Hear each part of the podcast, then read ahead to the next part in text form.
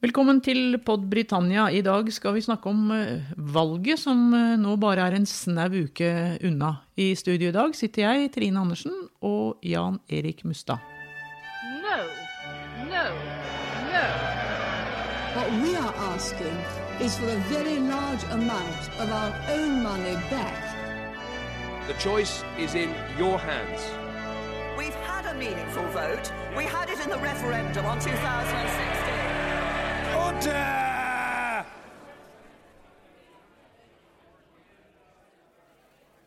Ja, Jan Erik. 12. desember er det parlamentsvalg i Storbritannia. Og hvorfor har vi fått nå et valg i desember? Nei, Det kan du spørre om. Det er absolutt en veldig ugunstig tid å, å ha et parlamentsvalg på. For uh, veldig ofte er det sånn med, med, oss i den vestlige verden at vi går ut og handler og forbereder oss til jul. Men spørsmålet er da om vi vil gå ut og stemme, og om britene faktisk vil bruke stemmeretten sin den 12. desember. Ja, De har i hvert fall fått et valg på en torsdag, da, sånn som de, de, pleier. Men det er vel Hvor lenge er det siden sist de gikk til et parlamentsvalg i desember, egentlig? Det var vel sist i 1923, så det er snart 100 år siden. Og det er en grunn til det, fordi at en kalkulerer alltid med at torsdag er den beste dagen i uka. Uh, og en kalkulerer alltid med at mai er den beste måneden. Derfor så har det oftest, for, som oftest vært valg i, i, mai. Vi har hatt noen høstvalg, men det er ekstraordinære valg som regel. Men, men uh, som ofte så har vi da den første torsdagen i mai. Uh, og det er en gunstig tid på året. og torsdagen er da den beste dagen. Og det er da for å prøve å trekke så mange folk til stemmeurnene som mulig. Eh, fordi at en, en, tenker jo at eh, fremmøteprosenten har gått nedover og nedover i vestlige demokratier i de siste tiårene. Og at det da er en måte å, å legge inn en viss tradisjon. Og Britene er jo glad i tradisjoner, så, så, det har vært en tradisjon i Storbritannia, og da har folk eh, hooka av det i kalenderen. Ja, Hvor mange er det egentlig som pleier å gå og stemme i Storbritannia? Hvordan var f.eks. valgdeltakelsen ved valget i 2017? Nei, det har svingt litt fra pluss 60% opp mot 70 eh, Og så har vi ved noen spesielle anledninger hatt et veldig høyt fremmøte. Men eh, hvis vi nå får ca. 65 eh, i, i år, så skal vi være veldig godt fornøyd. For det står jo en del ting på spill nå, så det kan være noe som trekker folk til valgurnene. At eh, det er litt sånn være eller ikke være for brexit. Det kommer til å legge føringer for hvilken vei brexit går. Så det betyr at eh, det er viktige ting som står på spill, eh, kanskje mer enn noen gang. Eh, og dermed er det også mest, det mest uforutsigbare valget vi har hatt på lenge. Fordi at vi ikke rett og slett vet hvilken vei opinionen vil stemme brexit. Ja, Vi kan vel egentlig trygt fastslå at dette er et brexit-valg. Eh, dette er et valg som vi har fått pga. brexit? Ja, det er det. For eh, sånn som vi så gjennom hele høsten nå, så kom ikke Boris Johnson, statsministeren, noe vei egentlig med dette parlamentet som nå akkurat er oppløst. Eh, fordi at det var så delt. Han fikk ingenting gjennom, og han tapte alle avstemningene sjøl. Og en konservativ regjering i mindretall med sporadisk støtte fra Det demokratiske unionistpartiet Arbeiderpartiet, som vi har vært inne på mange ganger før, det gjorde at han var i en, en veldig vanskelig situasjon, og ba da opposisjonen Labour om å støtte eh, forslag til et nytt parlamentsvalg. Og Labour gikk med på det, eh, så lenge no deal ikke var aktuelt den 31. oktober, som var den, den seneste tidsfristen. Nå vet vi at det er blitt utsatt til 31. eller en såkalt flextension, som betyr at de kan gjerne gå ut før den 31. januar, men det er den tidsfristen som ligger der nå. Og Da sa Labour ja, eh, og da er det klart at eh, vi får et nytt brexit-valg, som vi hadde i 2016, som da vil legge eh, klare føringer på brexit-veien videre. Ja, nå har jo alle, alle partiene har jo sine valgprogram, og i valgprogrammet til de konservative så er det jo én ting som gjelder, og det er brexit to ja. get Brexit done, som han sier uh, igjen og igjen, uh, Boris Johnson. Men Labours program, det, det, det, er omfattende. Ja, eh, Labour satser rett og slett på et veldig eh, venstrevridd og, og radikalt eh, program. Eh, med en veldig stor stat, med et veldig høyt offentlig forbruk. De siste utregningene så uh, lå i nærheten av 84 milliarder pund i offentlig forbruk. Uh, og, og, så høyt offentlig forbruk har vi aldri hatt i britisk politisk historie noen gang. Så, så det er et nokså radikalt valgprogram som Labour eh, legger til grunn for denne valgkampen. Eh, og nesten eh, sånn at jeg er frista til å si at dette er en ønskeliste som umulig lar seg levere eh, under de nåværende omstendighetene, også hvis Labour vinner dette valget. Eh, rett og slett fordi at det, det er en stor stat, big government, som vi sier i Storbritannia eh, med et offentlig forbruk eh, som gjør at alle skatter kommer til å bli heva. Ikke bare for de rikeste, som Labour sier at de ønsker å prioritere i forhold til tunge skattebyrder. Men det kommer også til å bli for helt vanlige lønnsmottakere en mye høyere skatt hvis vi skal kunne klare å finansiere denne enorme utgiften.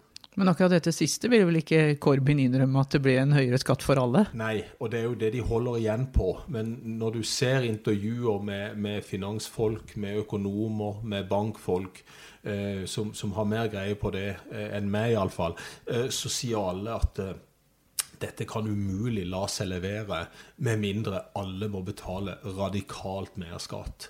Eh, og det vet vi jo er, skremselspropaganda. Eh, så, så en er nesten frista til å si at eh, det er lov å skyte seg sjøl i beinet, men, men, her har han nesten skutt seg i hodet. fordi at med et så radikalt venstrevridd program, så tror jeg det skal veldig mye til at opinionen omfavner dette, og at han får et flertall for denne type politikk. Men er det virkelig kanskje sånn at eh, nå har Jeremy Corbyn blitt så varm i trøya at han endelig tør å legge fram det valgprogrammet han har eh, sittet og ønsket seg i veldig mange år? Ja, det tror jeg er helt riktig analysert, Trine. fordi at eh, Han snakker til menigheten sin gjennom dette valgprogrammet. Denne momentumbevegelsen, disse gratosbevegelsene som stemte han inn som partileder i 2015. Du får nesten en følelse av at nå skal han betale tilbake igjen eh, en del til de som har støtta han med et sånn type program som de ønsker, og som han ønsker, eh, og som venstresida i Labour eh, har ønska eh, helt siden 2015. Vi har jo valg i 2015, vi hadde det i 17, så det er jo tredje valget nå siden 2015, altså på, på tre og et halvt år. fire og et halvt år. Så det, det, det, det, er et program som på en måte ser ut til å være en slags sånn payback til, til den delen av Labour-tilhengerne som eh, som støtta han som partileder i 2015. Men som jeg har sagt mange ganger, dette er jo eh, velgere som vil støtte Labour uansett. Eh, så han er jo nødt til å appellere til andre grupper hvis han skal sørge for å få et flertall eh, av de 650 setene i Underhuset, altså 650 valgkretser. Da må han appellere til en middelklasse også, det vet vi fra tidligere. Men er det det han nesten litt desperat prøver å oppnå ved å stille seg nøytral i brexit-spørsmålet? Det er jo veldig spesielt å ha en opposisjonsleder som sier at eh, jeg vil ikke tone flagg, faktisk, i, i dette som er det mest sentrale spørsmålet i Storbritannia etter krigen. Ja, Det er en veldig merkelig holdning fra en Labour-leder å uh, unngå alle disse spørsmålene, eller unngå å svare på alle disse spørsmålene, det er riktig å si, om, om hvor han står i, i, i brexit-spørsmålet. Uh, og, og, det har vi ikke sett tidligere, at en, at en, partileder for et av de to store partiene vil være nøytral, nekter å svare på hvor han står, selv om dette programmet til Labour, som vi nå omtalte, uh, sier ganske klart klart at partiet forplikter seg til en bekreftende folkeavstemning.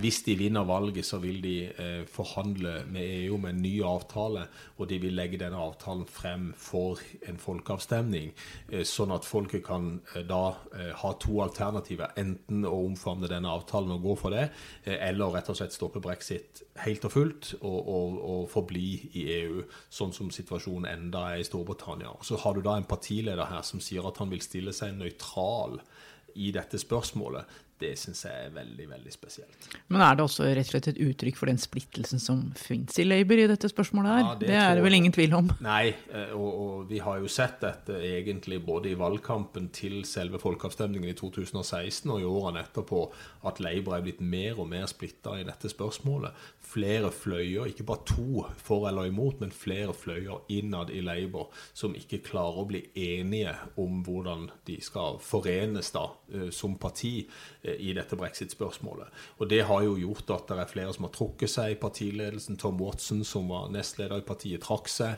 eh, av flere grunner, men, men, dette var jo en av grunnene. At eh, Corbyn som leder ikke klarer å samle disse forskjellige fløyene i partiet. Det kan jo nesten virke som det er en gavepakke til Boris Johnson å få en eh, motstander som eh, ikke vil si hva han mener. Han har jo, Johnson har jo klart å gjøre godt narr av eh, Corbyn de siste dagene.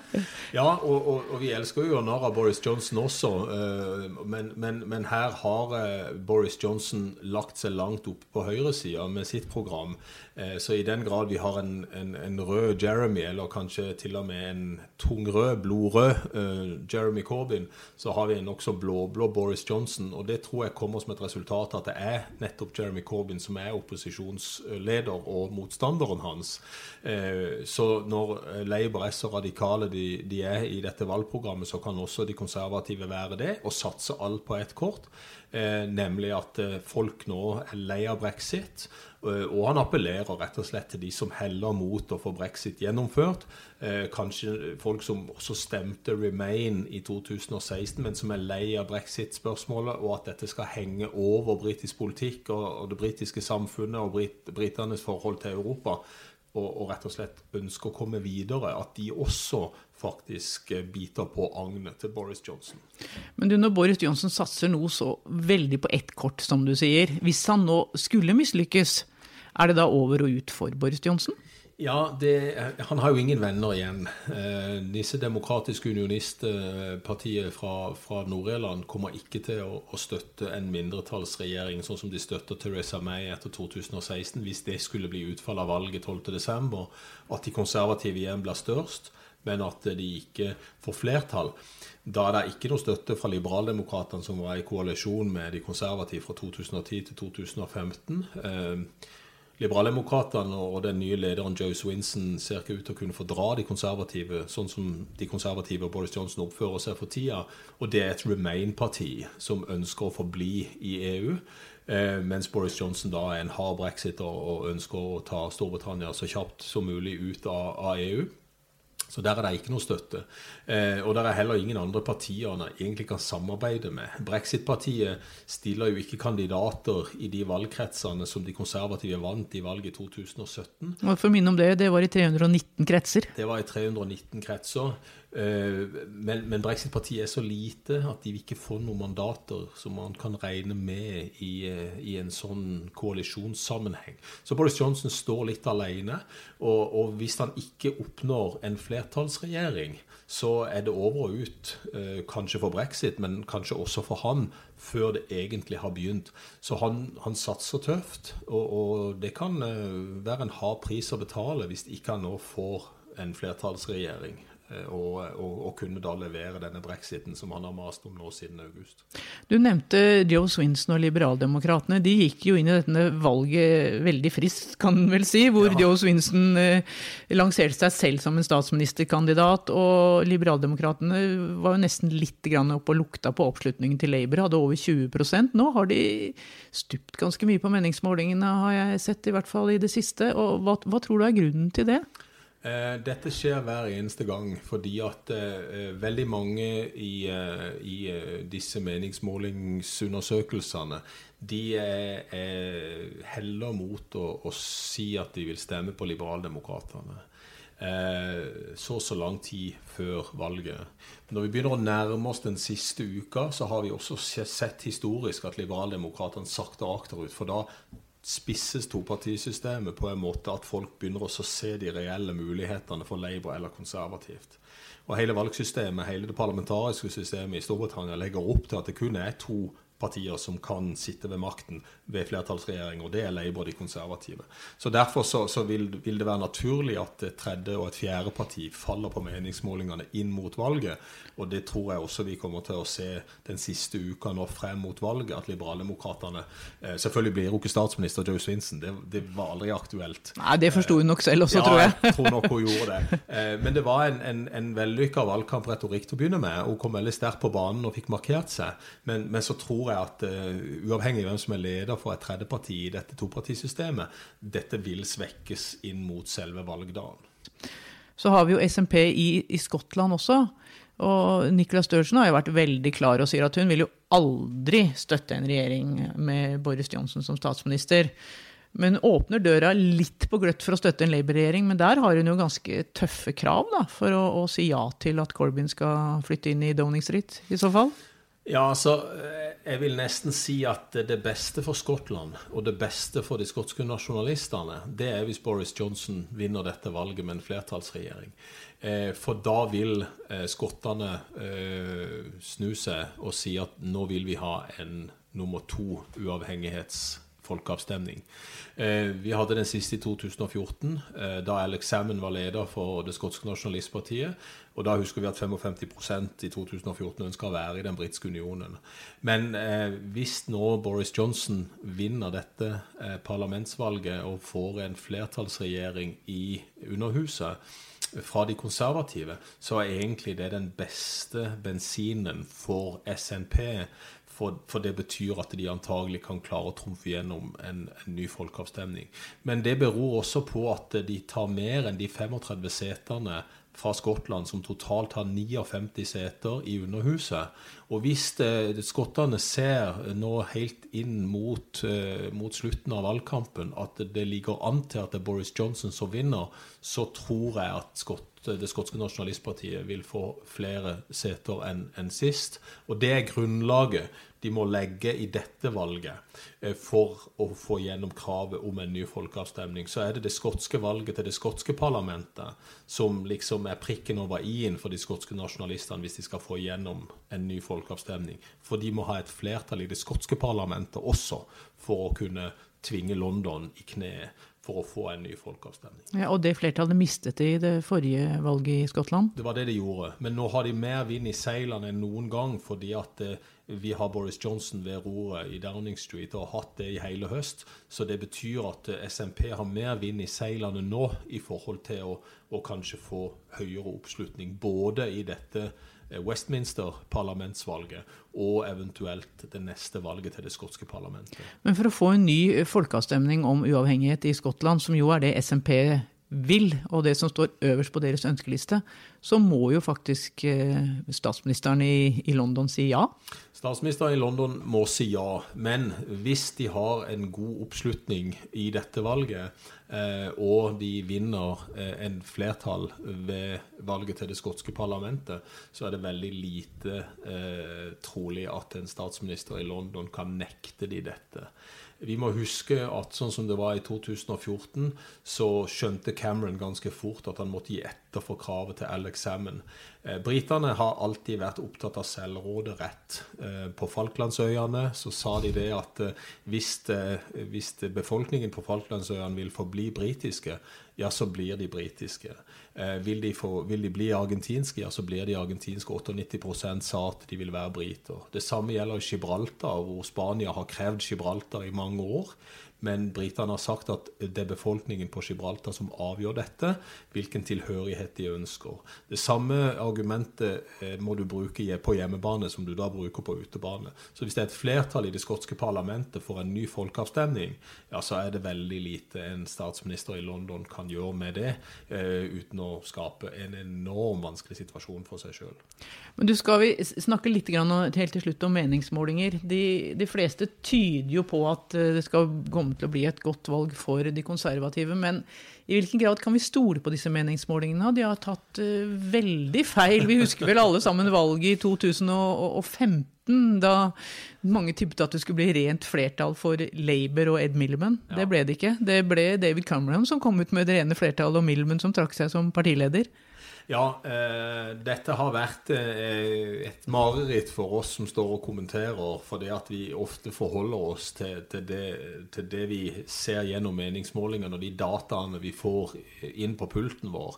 Eh, og meningsmålingsbyråene har gått i seg sjøl de siste årene og prøvd å legge om metodene sine fordi at de har tatt så kraftig feil. Det var egentlig bare YouGov eh, som traff i 2017. Eh, og i 2017 så hadde vi jo en situasjon hvor Theresa May da hun skrev ut valget 18.4, leda med over 20 på meningsmålinger, men hun vant med to.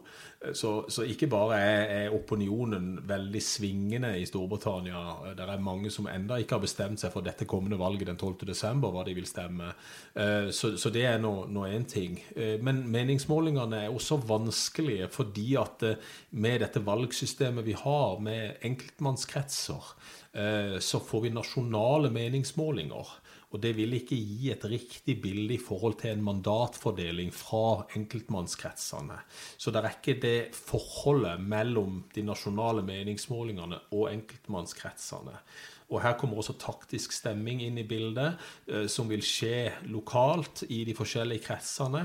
Eh, og det tar heller ikke meningsmålingene høyde for. Så, så der er en del feilmarginer og en del kriterier som ligger i meningsmålingene, som ikke nødvendigvis umiddelbart lar seg speile ved valget. Eh, men nå ligger det jo an til at de konservative leder på meningsmålingene, og kanskje kommer til å lede også den siste uka.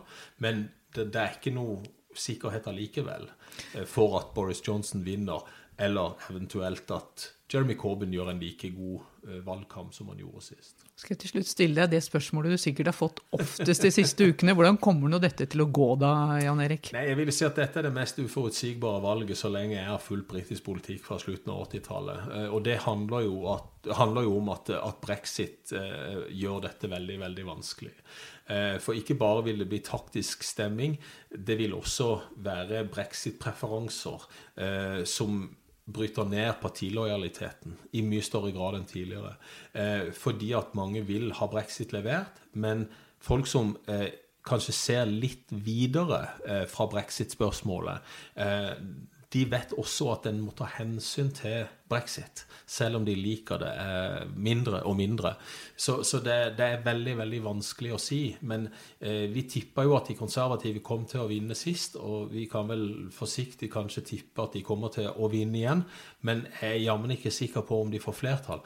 Og får vi et, et hung parliament, som vi kaller det, hvor ingen av partiene har flertall, ja, så ender vi jo egentlig i samme situasjonen som vi endte det forrige parlamentet, som ble oppløst 6.11. Eh, for denne valgkampen som, som, vi nå er midt inne i.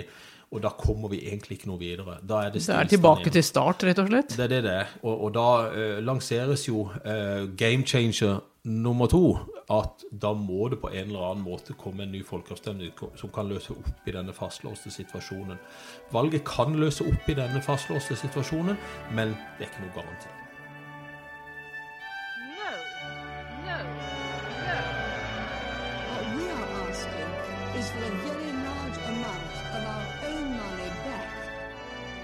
choice is in your hands.